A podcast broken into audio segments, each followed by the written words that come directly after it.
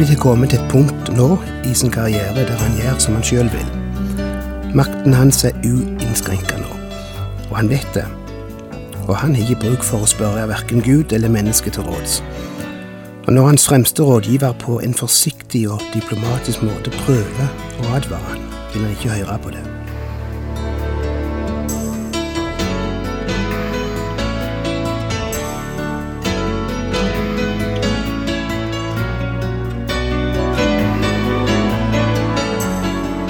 Hjertelig velkommen til et nytt program i serien Vindu mot livet. Vindu mot livet er basert på programserien Insight for Living ved Chuck Svindal. Programmet er produsert av Kristen Riksradio og blir ledet av Ola Bjoland.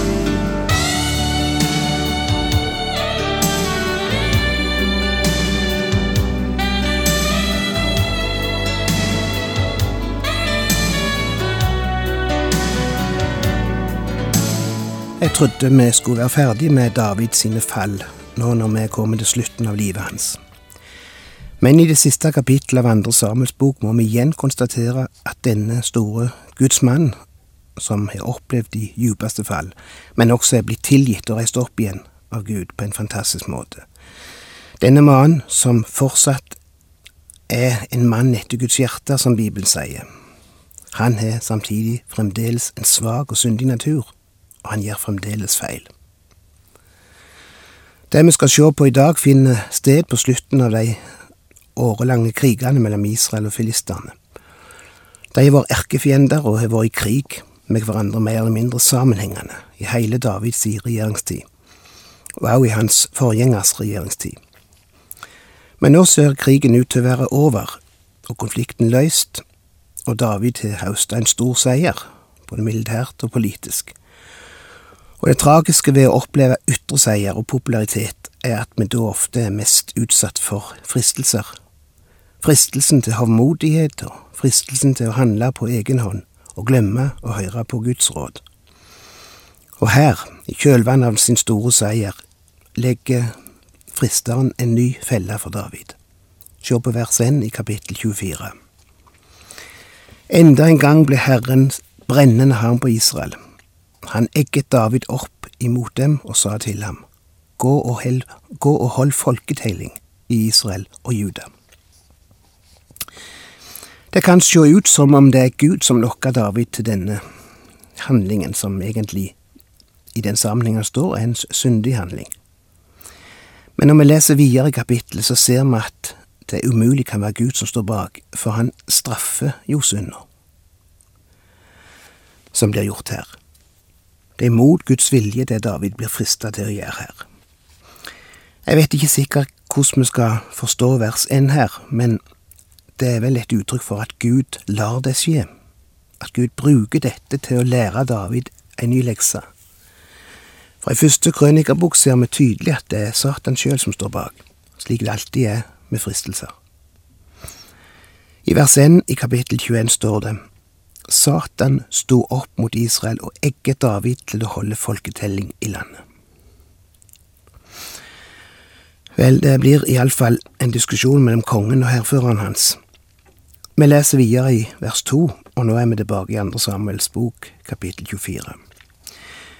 Da sa kongen til hærføreren Joab, som var hos ham, dra rundt til alle Israels stammer, fra Dan til Beersheba du skal mønstre folket, så jeg kan få vite hvor mange de er. Joav svarte kongen, måtte Herren din Gud la folk øke, så det blir hundre ganger så tallrik som nå, og måtte du, Herre konge, selv få oppleve det. Men hvorfor vil du gjøre dette, Herre konge?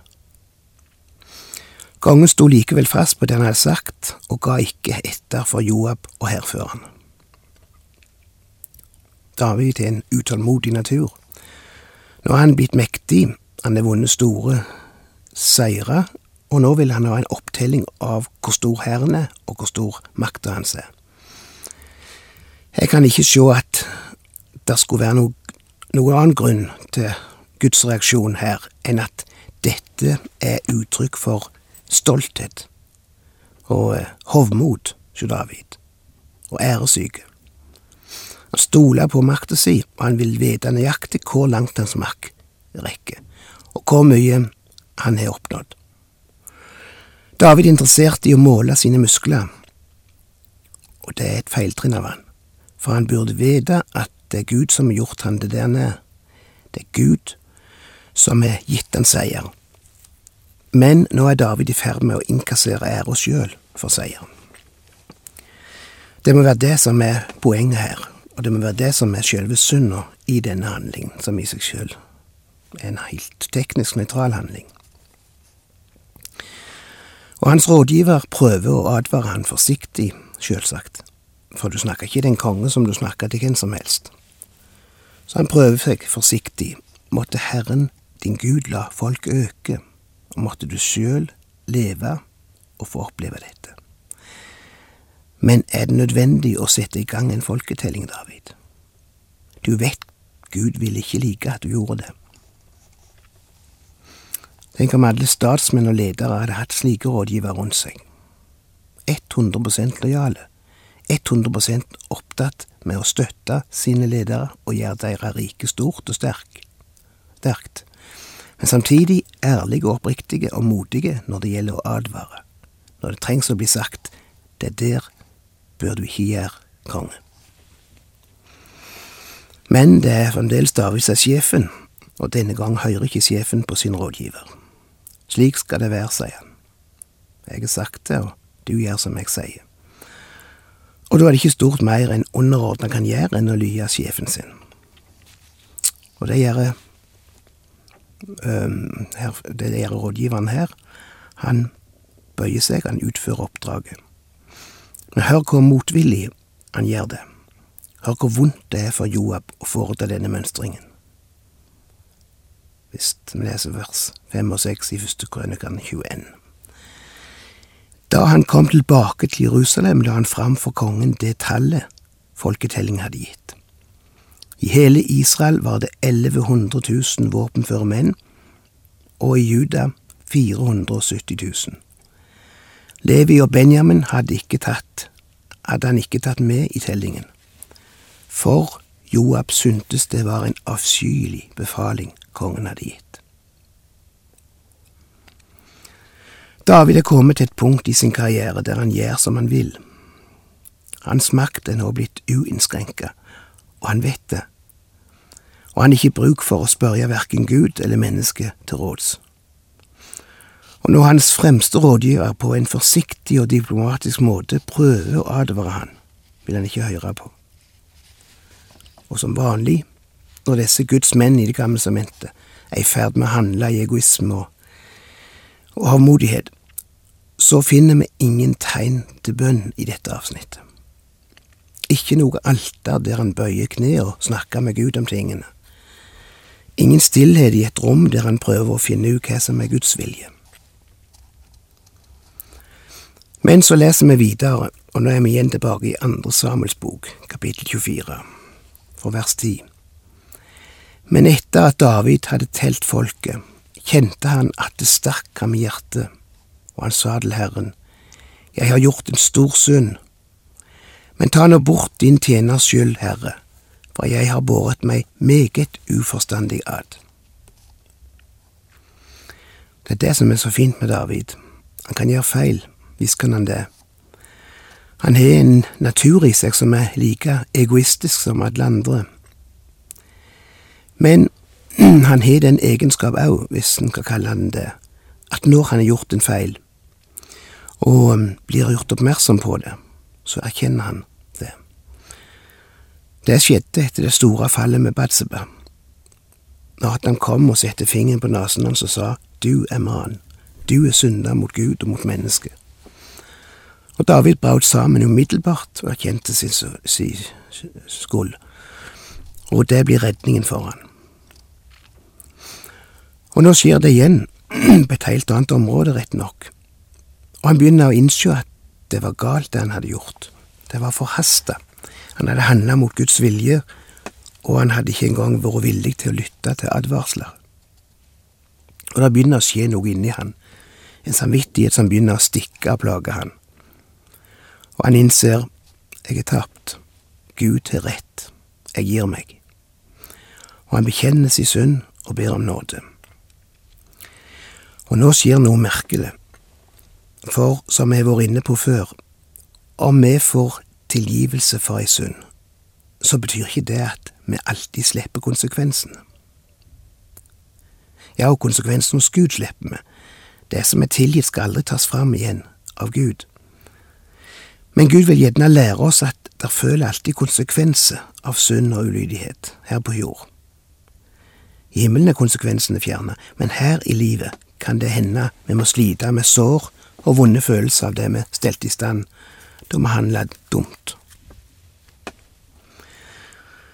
Det er en del av den livslov som gjelder her på jord. Og Det trenger visst David enda en gang å få oppleve for å lære det. Og nå får han et valg. Gud stiller opp tre valgmuligheter for David. Jeg skal spare deg for å oppleve alle konsekvensene som kunne komme ut av det du har gjort. Jeg skal ta bort to av tre, og du skal få velge hvilken av de du vil ha. Det er første og eneste gang i Bibelen jeg finner at Gud gir menneskene et sånt valg. Hør hva som står ifra vers 11. Da David sto opp om morgenen, var Herrens ord kommet til profeten Gad, Davids seer, og det lød så, Gå og si til David, så sier Herren, tre ting legger jeg fram for deg. Velg en av dem, så skal jeg gjøre det du vil. Da gikk Gad til David og forkynte fram og sa, Vil du at det skal være hungersnød i landet ditt i sju år? Eller vil du være på flukt for fienden dine i tre måneder mens de forfølger deg? Eller vil du at det skal komme pest over landet ditt i tre dager? Tenk nøye etter og bestem deg for hva jeg skal svare ham som har sendt meg. David sa til Gud, Jeg er i stor nød. La oss da helst falle i Herrens hånd, for Hans barmhjertighet er stor, men i menneskehånd vil jeg ikke falle. Det er et ganske klokt resonnement David gjør her. Hvis du vil oppleve nåde og rettferdighet, så skal du gi deg over Guds hånd. Hvis du vil oppleve fordømmelse og urettferdighet, så skal du bare overgi deg i menneskenes hender. Jeg er ikke i tvil om hva jeg ville gjort, for Gud er rettferdig, men han er også nådig, og da vi velger å bli dømt av Gud. Det er ikke godt at det er Gud som skal dømme til slutt. Det er ikke godt at det er ikke et menneske sin dom som skal gjelde. Mange av dere har gjerne opplevd å være under menneskers dom. Det kan være ganske tøft. Til og med en kristen, eller kristnes dom. Jeg vet ikke hvor mange brev jeg har fått fra mennesker som skriver at de føler seg dømt og utstøtt. Jeg vet ikke om de er det i alle tilfellene, men de føler det iallfall slik. Fordi noe gikk galt i livet deres. Kanskje de er skilt. Kanskje de ja, det kan være så mange ting. Og jeg sier igjen, er ikke glad at det er Gud som skal dømme? Han som ser alt. Han som er nådig når vi erkjenner og legger alle kortene framfor han. Men konsekvensene David måtte bære, òg denne gangen, de er ganske tøffe. Og det er et prinsipp Bibelen vil hamre inn i våre hoder ikke glem konsekvensene. Alle handlinger har sine følger. Hos Gud blir følgene viska ut når synda blir erkjent, men hos oss, og hos våre nærmeste kanskje, vil det bli spor etter synda. De lar seg ikke alltid viske ut i et øyeblikk. I Houston i Texas bodde der en familie med fire barn. Faren var en rik skipsreder, men han var samtidig en playboy. Han og kona hans levde et ganske tøft liv, og iallfall et liv som var langt ifra det vi ville kalle et familieliv. Godt familieliv. Det var mye borte, enten i forbindelse med jobben eller på fester. Det var ikke uvanlig at de fylte kjøleskapet med mat før helga og sa til barna forsyn dere med det de vil, vi blir borte til søndag kveld. Og barna ble mer eller mindre overlatt til seg sjøl. Mange år seinere hørte jeg om familien igjen. Mora hadde um, begått selvmord. Hun tok en overdose med narkotika. En av guttene hadde havna i fengsel. Ei av jentene endte opp som prostituert i Las Vegas. En annen av guttene fulgte i farens fotspor og ble alkoholiker. Fryktelig tragedie. Og faren innså ikke bare meg sjøl å takke for det.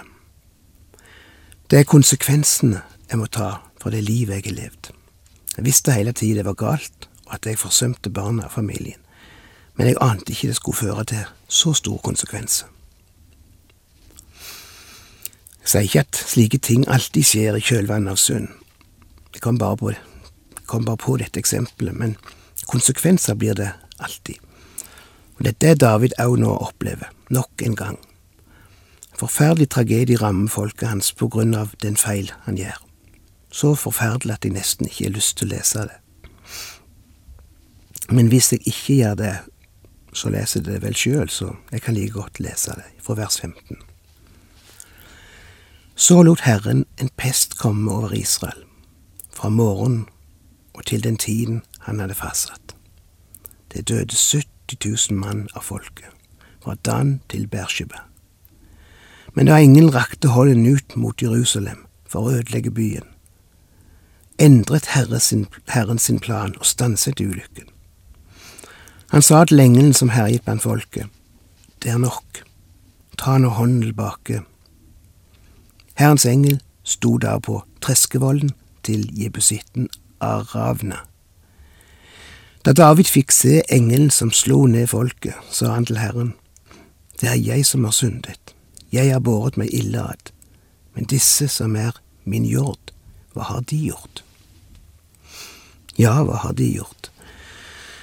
Svaret er ingenting, men det er en del av konsekvensene, det, ser du, ved å handle i ulydighet. Det går ofte utover uskyldige. Skyldige om høste fruktene av feil andre begår. Mesteparten av de menneskene jeg møter som sliter med eksempel psykiske problemer, de har ikke fått disse problemene fra noe de sjøl gjorde. De fleste sliter med de vonde konsekvensene av noe andre gjorde.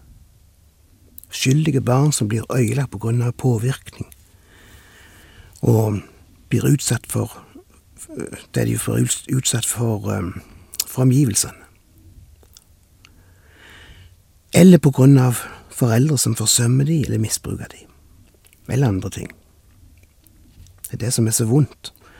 Og det som var så vondt for David òg, hvorfor skal alle disse andre li for en feil jeg har begått? Og han legger til, la heller din hånd ramme meg og min ett. Slik er det med syndens lov. Stor del av det vonde mennesket opplever rundt om i verden, er påført de av andre mennesker. Og vi kan spørre, som mange har gjort før, hvorfor griper ikke Gud inn? Hvorfor lar han uskyldige li? Er ikke han en rettferdig Gud? Ja, og han er det. Derfor har han bestemt seg for å skape en ny verden, der rettferdighet rår. For denne verden er blitt øyelagt. Det var ikke han som øyela den, det menneskene sjøl. Og den er så øyelagt at den kan ikke repareres. Hvis Gud skulle reparere verden, så måtte han ta alle de menneskene ut av verden som er rota til det vonde. Og da måtte han òg ta meg ut av verden, og det er kanskje. For vi har alle gifta i oss, og er alle med på å øyelegge for hverandre, i større eller mindre grad. Sjøl om vi har fått en ny natur som kristne, og får tjene Gud med den nye naturen, så er vi fortsatt en gammel natur, som slår ut av og til øyelegge for andre og for oss sjøl. Det var det som skjedde med David her. Og konsekvensene ble katastrofale for uskyldige mennesker. Du spør kanskje hvordan kan du godta en slik tanke, at uskyldige skal lie for det andre har gjort? Og mitt svar er jeg godtar det ikke, og jeg forstår det ikke. Jeg bare observerer det, iakttar det, at slik er det. Og jeg er glad for når det viser seg at dette ikke kan repareres. Så jeg er glad for at Gud har bestemt seg for å skape ei ny jord, der vi alle får tilbud om å være med uten å ha fortjent det. Men selv om livets lov virker slik at vonde handlinger fører til vonde konsekvenser, så er alltid Gud klar til å stige ned og begrense de vonde konsekvensene, der synd blir erkjent og bekjent. Det skjedde med David forrige gang han hadde falt i synd. Gud kunne ikke ta bort alle konsekvensene. De måtte David slite med i lang tid, men han kunne tilgi, og han kunne si, la oss gå videre, David. Jeg vil gi deg kraft og visdom til å bære konsekvensene, og til å reparere det som kan repareres, og til å begrense skaden. Og David fikk oppleve en ny vår, sjøl om det aldri ble helt som det hadde vært før. David fikk mange gode år i livet òg etter det tragiske fallet. For når Gud tilgir, så gir han òg hjelp til å gå gjennom de dagene som kommer. Og mye smerte kan reduseres, og mye som er gått i stykker, kan limes sammen igjen, der Guds nåde får komme inn. Det er vi utallige eksempel på. Men poenget er, det må aldri få oss til å tenke at det er ikke så farlig med synd. Noen tenker det er ikke så farlig, for Gud tilgir jo. Å nei, det er farlig. Tilgivelsen sletter ut alle spor hos Gud, men ikke hos meg. Det har han gitt oss disse tekstene for at vi skal være helt klar over dette. Synd lønner seg aldri. Ennå om den blir tilgitt, så vil du gå gjennom livet og ønske at du aldri hadde gjort den synda. Det skulle David òg ha yngst. Konsekvensen av feiltrinnene var tunge å bære for David. Men samtidig må vi ikke glemme det som står i siste verset av dette siste avsnittet, eller siste kapittel i Andre Samuels bok. Vi skal slutte i dag med å sitere det verset. Der bygde David et alter for Herren og bar fram brennoffer og måltidsoffer. Da hørte Herren bønnene som steg opp fra landet, og Israel ble befridd for pesten.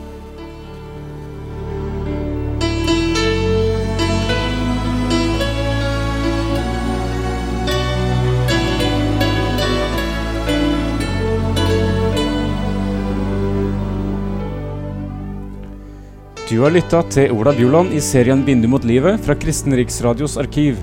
Ola Bjoland var ansatt i Kristen Riksradio til han døde i 2002.